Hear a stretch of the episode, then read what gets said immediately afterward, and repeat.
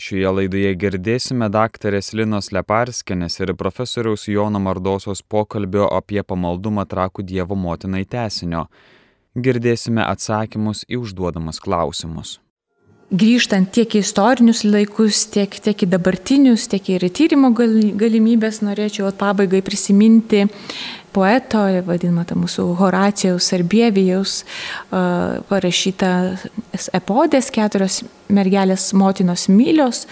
Ir iš to epodžių tiesiog atsiskleidžia apie na, žmonių santyki su kraštovaizdžiu, einant piligrimysės keliu iš trakų į Vilnių, čia tiesiog kelios, kelios ištraukos, kur, kurios irgi skatina irgi pamastyti savo tyrimo metu, analizuoti, kaip, kaip būtent per pamaldumas trakų Dievo motinai, kaip jis e, atskleidžia žmonių santyki tiek su savo gyvenimu, tiek su kraštovaizdžiu, tiek, tiek su savo šalimi. Ir kiek tame yra tik tai asmeniško santykio ir kiek vis dėlto yra istorinės žinios prisidėjusios prie to pamaldumo formavimosi. Na tai tuo ir baigsiu savo pokalbį. Gal aš e, pasinaudosiu savo šiokią tokią teisę ir pabandysiu paklausti jūsų, čia daugiau kalbėjote, daugiau akcentavote viskupų reikšmę arba klebonų E, bet e, aš čia turiu Sirokomlės tokią citatą, mm. kur jisai kalba būtent apie šito paveikslo tam maldingumo tradicijos na, reikšmę ir apie tą istoriją, kalba apie jezuitus ir čia rašo, kad 849 metais, kad reiškia jau, na, jie dar visgi buvo pakankamai E, skaitlingi ir iki 18 pabaigos, nu, 73 metais, e, kaip žinia, jezuitų ordiną panaikino, e, organizuodavo jezuitai. Ir va, tai rašo, kad keturias mylės kelias buvo prisigrūdęs įvairiausių maldininkų grupių pėščias keliaivius lenkė, iš, pėščius keliaivius lenkė ištaigingi ekipažai ir paprasti bajorų bei valstiečių vežimai. Na ir paskui sako, kad nėra jėzuitų viešųjų procesijų. Šiomis dienomis į trakus suplaukia daugybė žmonių, nes lietuviai pamaldus, nes jie gerbė savo tėvų papročius ir atminimą. Tai va, Sirakomlė būtent jisai apie jėzuitus ir e, kaip šitas aspektas, nes jūs e, apie jį mažiau kalbėjote. Na, kadangi daugiausiai vis tiek akcentavau, kas, kas šiais laikais vyksta, tai šiais laikais tų, na, jezuitai, na, kaip nėra scenoje viso, viso šito kulto atgaivinimo procese, o paties kulto įdėgymo procese 17 amžiuje, tai jie atliko labai svarbu vaidmenį, nes na, tai siejusi ir su kontrreformacija, nes jezuitai čia atsiusti buvo kaip na, E, kovoti su, su, su reformacijos idėjomis ir čia įsteigė tą aukštąją mokyklą, na, jie jautėsi už tai atsakingi ir jų, jų piligriminiai žygiai buvo na, vienas iš tų dalykų, nes piligriminis žygis buvo vienas iš apskritai svarbiausių gal būdų katalikybę stiprinti kas 17 amžiuje atsirado ir būtent, e, būtent jezuitai tuo, tą ir darė. Tai jų, jų istorinis indėlis yra be galo svarbus, bet kalbant apie 21 amžių, tai, tai jų toj scenoje nebematome. Tai va, ar jūs nepamastėte, kodėl jie to nesijėmė, galbūt tada, e, e, čia gal ne, ne įrašui, ir Tomaševskio vaidmuo būtų mažesnis į tą Trotską E, Lietuvos globėjai, jinai gal būtų ir tikrai Lietuvos, o ne vienos Lietuvos parpiečių grupės, daugiau globėja.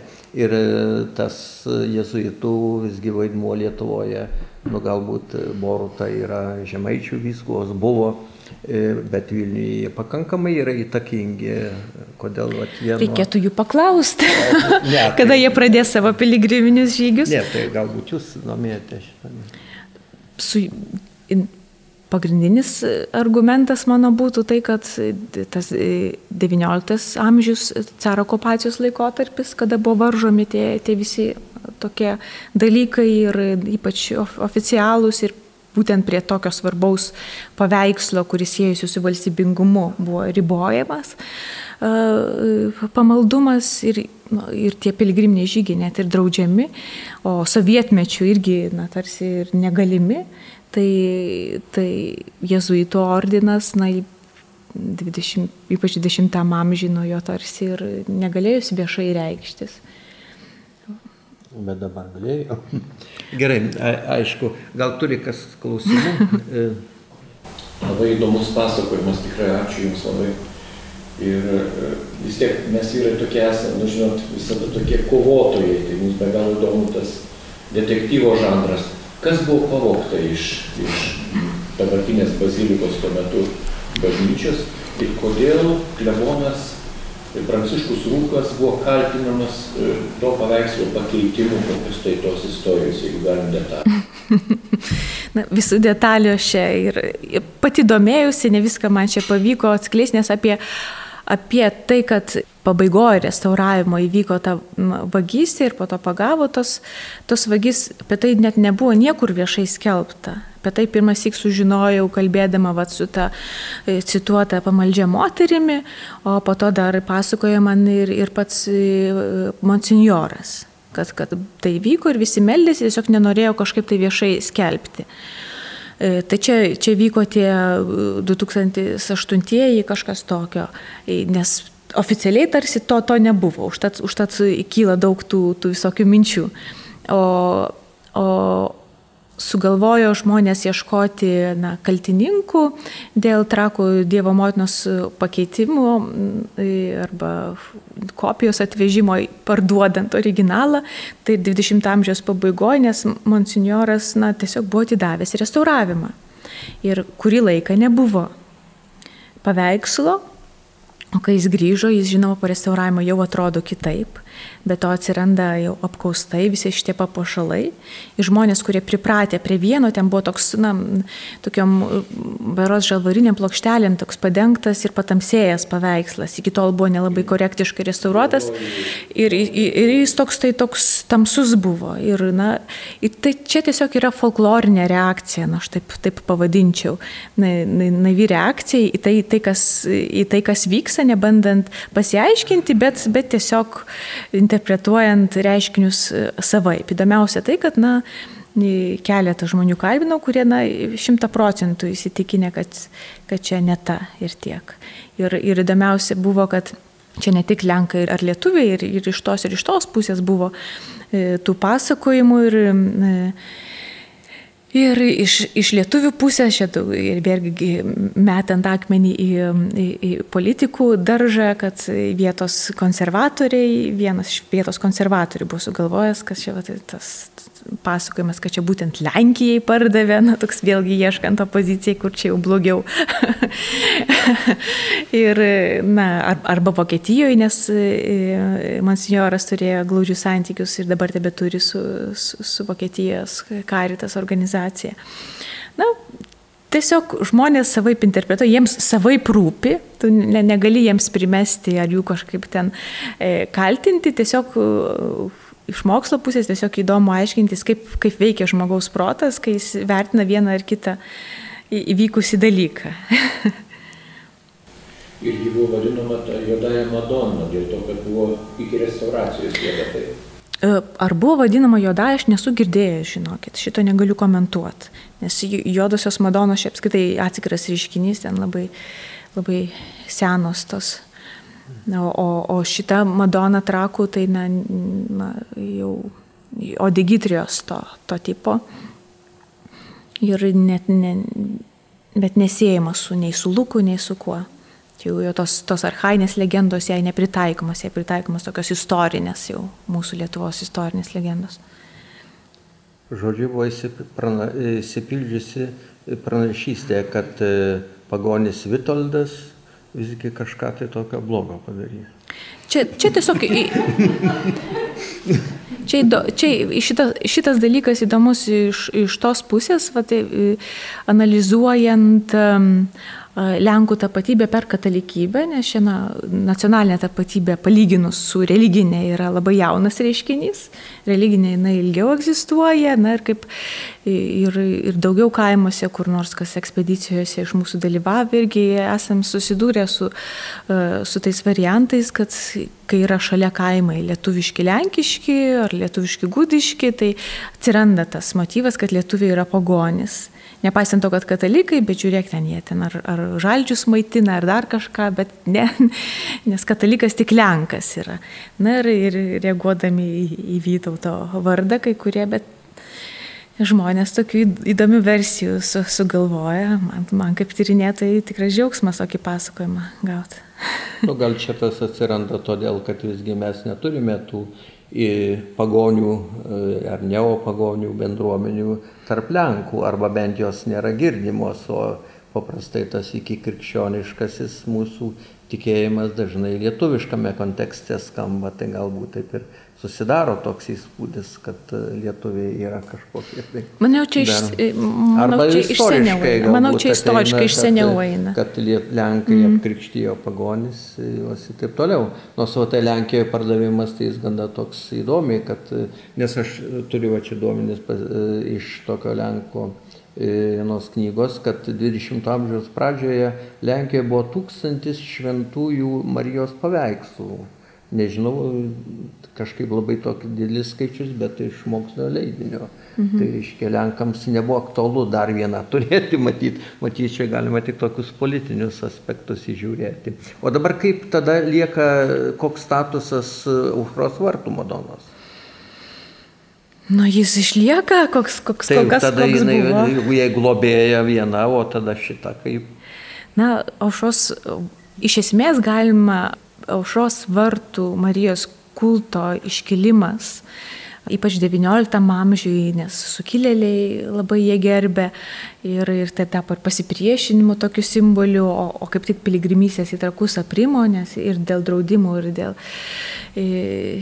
dėl gal kitokio aplinkybių, tai, tai iškilęs tas aušos vartų iškilusi reikšmė, jinai na, lieka stipri galioti iki šiol, tai yra stipriausias piligrimystės centras Lietuvoje na, ir, ir su, su tuo nepakovosi. O trakų Dievo motinos kaip kiekvienas tikintysis priims, čia jau yra klausimas, bet aš tai antrinčiau e, mažylieniai, na, aš irgi taip jaučiuosi, man trakų Dievo motina svarbiausia, ne tik dėl to, kad aš trakietė, bet ir dėl, ir dėl estetinių sumetimų, ir dėl viso to istorinio turinio. Bet čia matyti ir atsiranda tam tikras tarp liaudiškojo pamaldumo į to menotirinio arba religiotirinio aspekto, kada yra vertinama ne jo reikšmė e, tų tikinčiųjų gyvenime, bet daugiau jau kitos, galbūt estetinės tos savybės arba kažkokie ten istoriniai aspektai, o liaudiškame aspekt, e, pamaldume šitas dalykas nėra svarbiausia. Ir tas apmusėjęs juodas paveikslas jam yra tiek pat brangus ar net brangesnis negu šitas atnaujintas. Na, aš manyčiau, neatsitiktinai išskiriau čia keletą grupių, kurias būtų galima tirti, kad liaudis na, apima ne tik neraštingų žmonės, bet labai įvairius ir liaudis, ir mokslininkų grupė. Šiandien. Taip. Ir kad kai mes kalbam apie tą 21 amžių, mes negalim kalbėti apie liaudį tik kaip apie kaimo žmogų. Mes kalbam apie tą įvairio pusiškumą. Nes rašto kultūra, jinai egzistuoja, jinai mus veikia, jinai yra šalia bet mes, kiekvienas iš mūsų, mes ją interpretuojam savaip. Ką kiekvienas tikintysis iš tos rašto kultūros prieima savo, na, čia jau tyrimo objektas. Tai gal iš to klausimino daug kas paaiškės, nes aš ten klausiu, kuri Madona jums atrodo svarbiausia. Nes vis dėlto, na, dar trumpas laikas, kai, kai trakų Dievo motina, va taip yra linksniuojama viešai ir, ir jie domimasi. Tai žodžiu, Na, gal tokie e, vienas klausimas ir vienas gal labiau komentaras. Na, aš turiu čia tokią knygą, Marijos garbinimas mm. Lietuvoje, e, Marijono Juozo Vaišnoros Na ir čia labai gražiai jisai rašo apie tas visas piligrimystės ir trakų paveikslo svarbą ir jisai mini, kad atskiros procesijos irgi sudarydavo ir Vilniaus akademijos studentai su profesoriais, taip pat brolyjos. E, ir net atskiros bažnyčios sutikinčiųjų būreis ir, net, ir jisai pabrėžė, kad ir ne tik iš Vilniaus procesijos į trakus atvykdavo iš Kauno, Merkinės ir kitų Lietuvos miestų. Tai žodžiu, aš norėčiau, Linos, kokia tavo nuomonė, gal vis dėlto tas e, trakų Dievo motinos kaip ir atskirimas ir toks šiek tiek sumenkimas kažkokiu istoriniu periodu, galbūt susijęs su Vilniaus krašto okupacija ir tarsi, na, jisai labiau buvo tapatinamas tarsi su kita kalbiu, ten ta lietuvių kalbančių ten gudiškai ir lenkiškai Žodžiu, čia vienas klausimas, o kitas tai čia yra toks komentaras, nes man baisiai gražus liūdėjimas, kad, žodžiu, čia iš pirmo pasaulinio karo, kai tą paveikslą vis dėlto slėpdavo visą laiką, jį, žodžiu, kai tik tai prasidėdavo karas, jį visą laiką slėpdavo, dėl to, nors ir bažnyčia buvo sudeginta, bet paveikslas likdavo. Tai štai pirmo pasaulinio karo metu klebonas Maliukevičius paveikslą išvežė į miškuose esantį žagarinės kaimą ir pasiūlė, žodžiu, labai atokiai gyvenančiam sargui tą e, saugoti paveikslą kažkur tai atokiai miškuose jo namuose. Na ir Ir čia, žodžiu, viskas tas pasakojimas yra labai simboliškas. Jisai savo namuose nerado vietos, nu čia vad su Betlėjaus istorija, ir pasiūlė tvartą. Žodžiu, tam paveikslui pasiūlė saugoti tą paveikslą tvartę.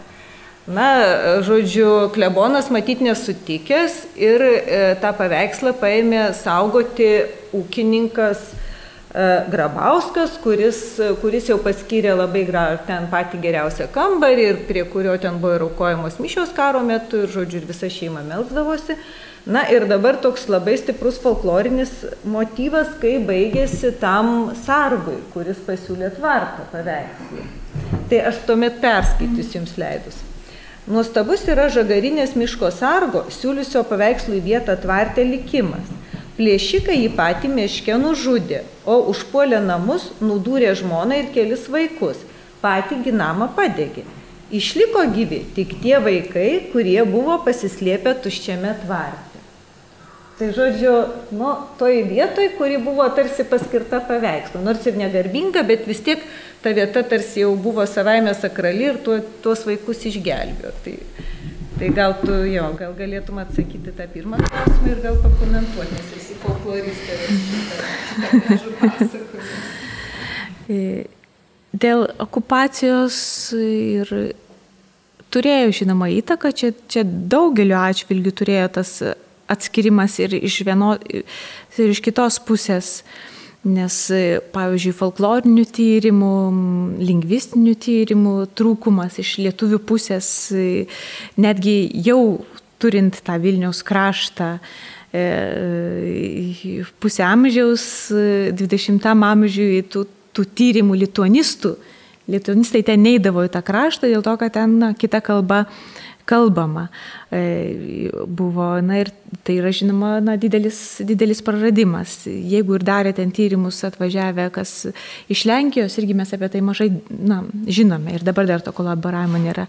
O apie tos liudijimus piligriminių žygių, Tai vaišnorai, žinoma, pasitelkia tos visus istorinius liudijimus, kurie visiškai atitinka, kurie vyko iki patekimo į caro rankas iš šitos teritorijos ir, ir, ir tai tiesiog atskleidžia, kaip, kaip tankiai buvo ta piligrimystės tinklai, apraizgė na, ir LDK teritorija, ir na, dabartinės Lietuvos teritorija, kad tai buvo gana įprasta ir kad koks svarbus iš tikrųjų trakų Dievo motinos pamaldumo stiprinimui yra būtent piligrimystės aktas ir, na, ir, ir atskirų bendruomenių, nes e, kalbant apie Vilniaus, ten na, aš irgi kartais, jeigu kam nors tenka pasakoti trakuosi, tai tiesiog kaip pavyzdį, nu, įsivaizduokit, kad kokį nors IT technologijų e, organizacijos e, darbuotojai puoselė pamaldumą trakų Dievo motinai ir, ir, ir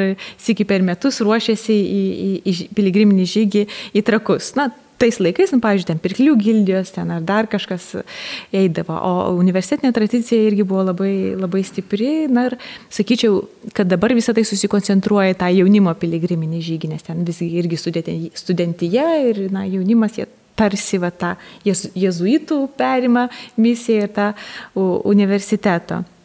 Na, o šitas pasakojimas čia, na, irgi daug sykių apie jį, apie jį galvoju ir man tiesiog įdomu, iš, iš kur jis yra užrašytas, ar jis pats užrašė, ar iš kokio kito liūdimo, nes kitoj, kit, kitam šaltiniai negu šita knyga aš jo nesuradusi.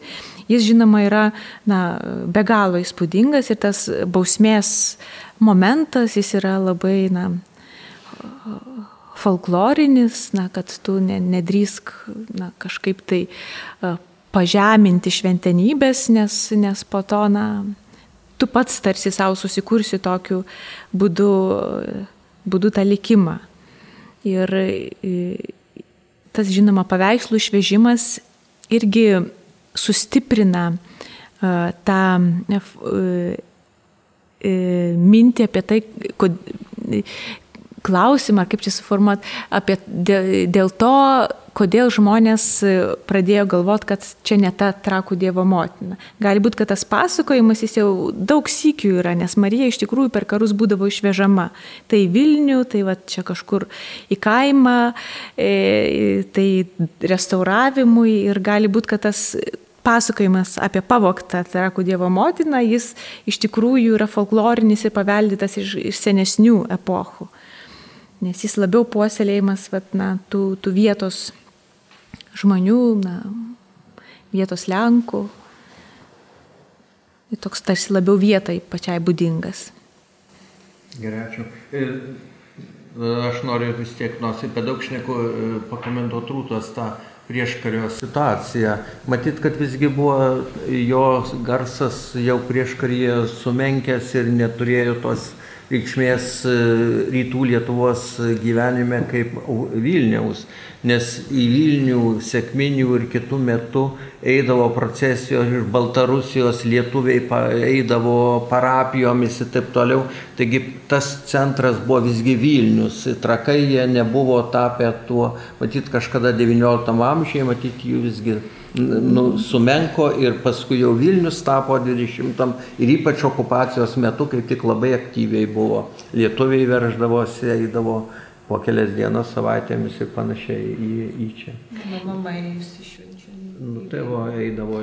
Ir, ir, ir dėl to aš noriu užpildyti tą spragą ir pasiaiškinti, tai pirmiausia, čia reikėtų jau bendrauti su uh, Vilniaus krašto mm, Lenkais arba tų Lenkų palikuonimis, kurie repatrijavo į Lenkiją, jeigu yra tokia galimybė, nes kol kas turiu vieną liudėjimą iš, iš mokytojos vienos, kuri pasakoja, kad būtent Lenkija buvo sutikusi žmogų, prisim, kuriam buvo svarbus prisiminimas apie tai, kad tarpukarį besimokydamas Stapano Batoro tam universitete buvo be galo jiems svarbu studentams vėlgi grįžtant prie to, keliauti į trakus. Tai tarsi bet dar testinumas, kad būtent tą buvo perėmusi Arba ta lenkiškoji. Dar vienas atgaivinimas. Vat, įtarčiau, kad testinumas, bet reikėtų daugiau, daugiau surinkti duomenų. Man, man rodos, kad tai turėtų būti testinumas. Bet čia reikėtų daugiau surinkti, surinkti liudijimų, kol kas yra viena kita užuomina parodyčiau, bet tarsi eilės, o, o ir muzika pritaikyta, bet nesu girdėjus, kad, kad atliktų. Bet nuolat yra melžiamasi būtent trakų Dievo motinos tokia, šiaip sakytiniu tik būdu, malda negėdama. Į, į, tik tai į, choro atstovai yra kažkokią melodiją pritaikę būtent pakilėti vat, visų šitų atlaidų ir, ir šitų visų metinių. E, kai ir įdomus buvo, įdomu buvo girdėti tą atlikimą maldos. Mm, Mintinai neatsimenu, aš jos ten, na irgi, kad ten su Vytautų siejama, su to, kad Lietuva globoja, nu, va, ta pagrindinė žinutė ten eina, e, kad po visų iškilmių, e, po to bazilikos paskelbimo, kai buvo ten įspūdingas gėdojimas, ne tiesiog įspūdinga viskas aukščiausiame lygmenį, po to visi išsivaikšto ir to choriuko trys moteris pačios individualiai, bet garsiai tą savo giesmę atliko savo tarsi, tarsi savo ir tarsi kas ten kamputėje kažkiek dar girdėjo, nes jau visi ten paskui viskupiją e, sliukino iš, iš bažnyčios, o, jie, o, o jos yra atlikusios, nes ten e, bent jau viena jų tai tikrai yra su, su muzikos ragavusi, mano da muzikos mokytoja, tai jie ten reikės, vat, priminėt, reikės, reikės paklausti, iš kur ta melodija ir kaip, bet pajaučiau, kad čia iš, iš to eilėraščio iš tos maldos tiksliau, kurią visur dabar galima tas prie devocionalijų norint įsigyti, galima trakose ten Dievo motinos atvaizdą, ten kitoje pusėje ta maldelė visada yra. Būtent, būtent jai skirta. Tai gal pasiūlykite, kad būtų atliekama jinai bent atlaidų metu, nes, pavyzdžiui, labai tokį didelį emocinį įspūdį sudaro pivašiūnuose, ten Marija pivašiūnų kiekvieną rytą, tiesiog visas miestelis skamba nuo to himno, tai jisai iš karto užveda kažkaip tai mhm. į tą e, visą dienos apieigyną. Tai, Bet ten irgi nėra e, ne, ne sena, jinai pivašiūnų, jinai kažkada sukurta, ji nuolat ją atlieka. Būdavo, mhm. taip, taip. būdavo vienu metu, bet čia vėlgi priklauso nuo, nuo, nuo aktyvistų choro. Dabar tos vienos aktyvistės tiesiog truputį nusišalino, bet kol jinai buvo, tai toks atliekamas buvo e, na, bizantinis gėdojimas, akatistas. Ir tai, na tai, tai, tai vėlgi toks vat, istorinis toks sugrįžimas prie, prie šaknų ir būtent akatistas būdavo gėdamas sekmadieniais po mišių. Mhm. Buvo kažkurio metu trakose gėdoda, dabar jau ne, kartais irgi gėda, dabar per atlaidus irgi buvo gėdama, tiesiog visi ilgisi tuo laiku, kai buvo va, ta konkreti choro vadovė Justina ir ten buvo tiesiog labai, labai sustiguota viskas, net ir, ir mane kviesdavo. Tai vat. O sakykime, ar gal bus kada nors ateityje, kaip va, dabar bus toj Auchros vartų atlaidai, kada yra transliuojama net per televiziją arba sekminės iš kalvarijų ir panašiai, kad na, ją visgi tą šventę įteisinti kitokių lygmenių, ne vietinių tokių, parapijinių arba regioninių, o kad visai Lietuvai tą visgi žinę nešti, nes dabar tai labai menkai. Aš per Kalėdas, kai buvau paskutinį kartą prie to paveikslo, tai vienintelis buvau nutiesa Kalėdos tada, kai mes koncertavome.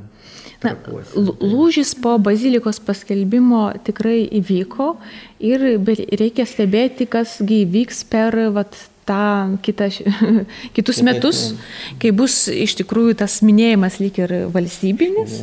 Ir kiek žinoma, čia ir politikai kažkiek turės stengtis, klebonas užsidegęs ir žinoma, na, patys e, viskupai kiek, kiek jie norės, pavyzdžiui, nes jie irgi formuoja tam tikrą politiką. Na, tam pamaldumo lygmenį ir ką jie nori, tą, tą iš esmės ir išskiria, nes jeigu viskupas būtų labiau nusišalinęs nuo trakų, tai jinai būtų dar labiau likusi.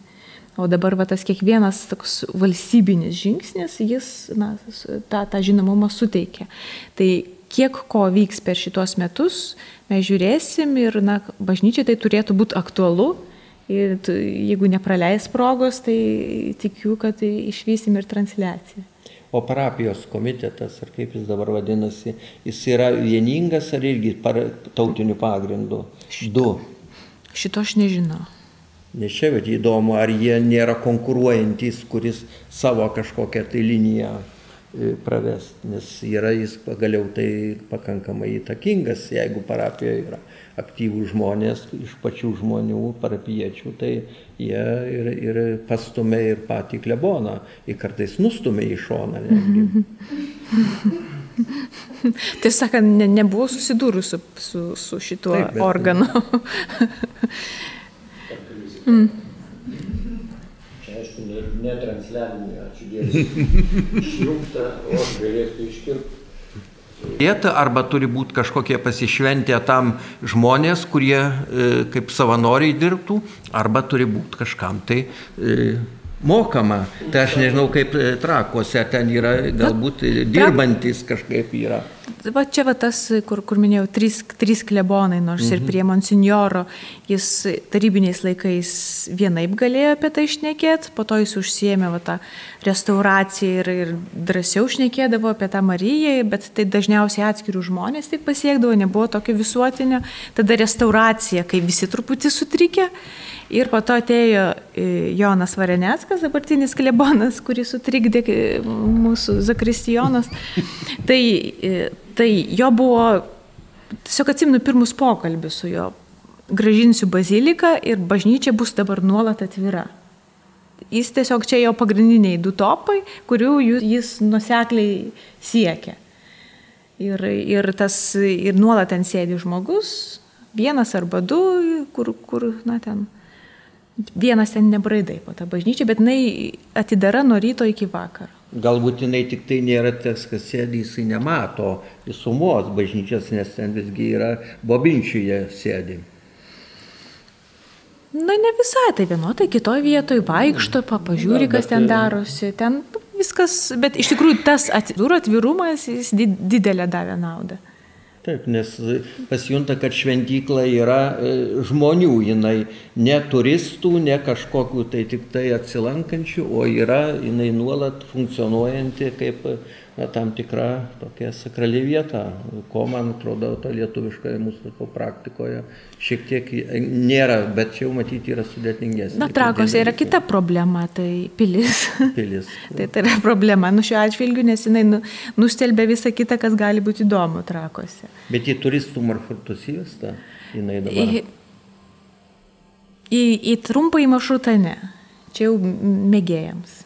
Mhm. Bet tikintiesiems, na, manau, kad jau žemėlapyje atsirado, galiausiai netgi yra dabar išleisti piligrimystės žemėlapiai, kur trakai, trakai patenka tarp tų septynių svarbiausių.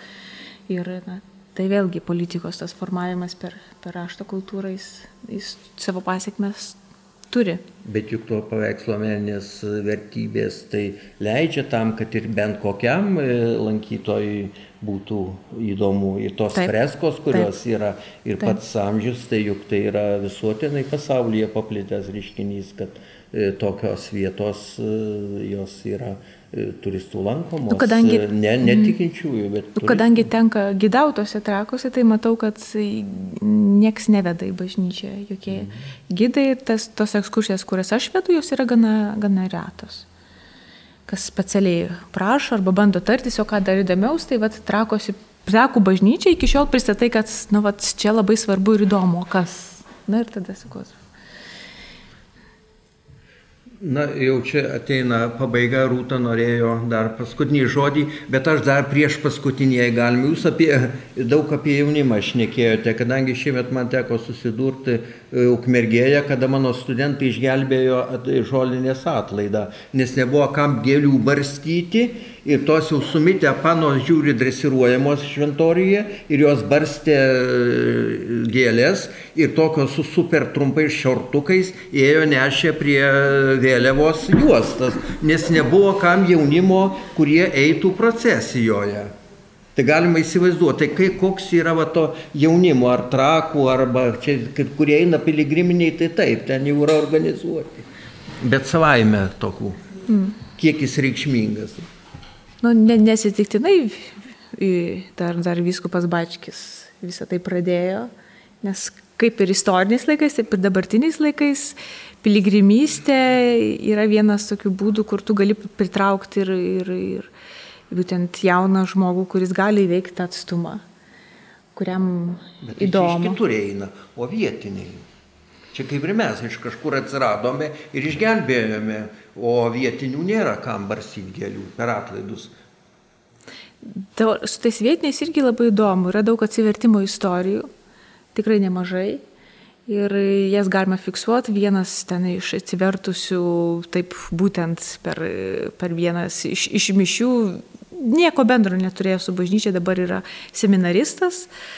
žmogus, kitas dabar irgi patarnauja, nu, tokių atsivertimo istorijų Galima taip, nes dar, dar klebonas, ar klebonas, ar kažkuris kitas pasakoja, žiūriu, sako, kitam gale bažnyčios stovi jaunuolis ir žegnoja mane. Sako, kas čia dabar galvoju darosi.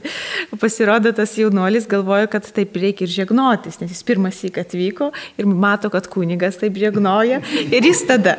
Bet čia, bet čia labai, na kaip pasimboliška, jis dabar taps kunigu iš visiško tokio pašaukimo ten, na ir, ir, ir ten kitų yra, nors, nors tos šeimos aplink, vėlgi grįžtant prie, e, prie lenkiško momento, didžioji dauguma vietos lenkų, jie yra religingi.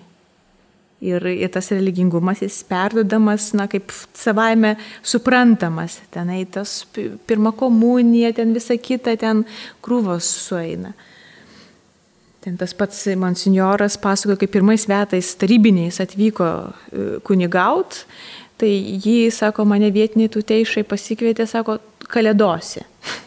Tai sako, kalėdosi, sako, na, nu, aš negaliu taip imti ir kalėdoti, nes man mane uždės mokesčiais. Sako, nieks šitą ves neuždės, nieks nieko nesakys. Ir sako, iš tikrųjų, važinėdavau, visa, visus parapionus apeidavau. Taip, visus apeidavau, sako, ir, ir nieks niekada nieko nėra pasakęs, bet tiesiog tas kaip reikia ir viskas, tas religingumas eina iš to tokio reikia. Jeigu dar, dar su lietuviais kalbant, ten atsiranda tų visokių misticizmų, ten vidinių kažkokių išgyvenimų, tai, tai su lenkais dažniau tiesiog eina viskas iš šeimos į šeimą, iš kartos į kartą. Šioje laidoje klausėmės daktarės Linos Leparskinės ir profesoriaus Jono Mardosos pokalbio apie pamaldumą trakų Dievo motinai tesinio. Girdėjome atsakymus į užduodamus klausimus. Likite su Marijos radiju.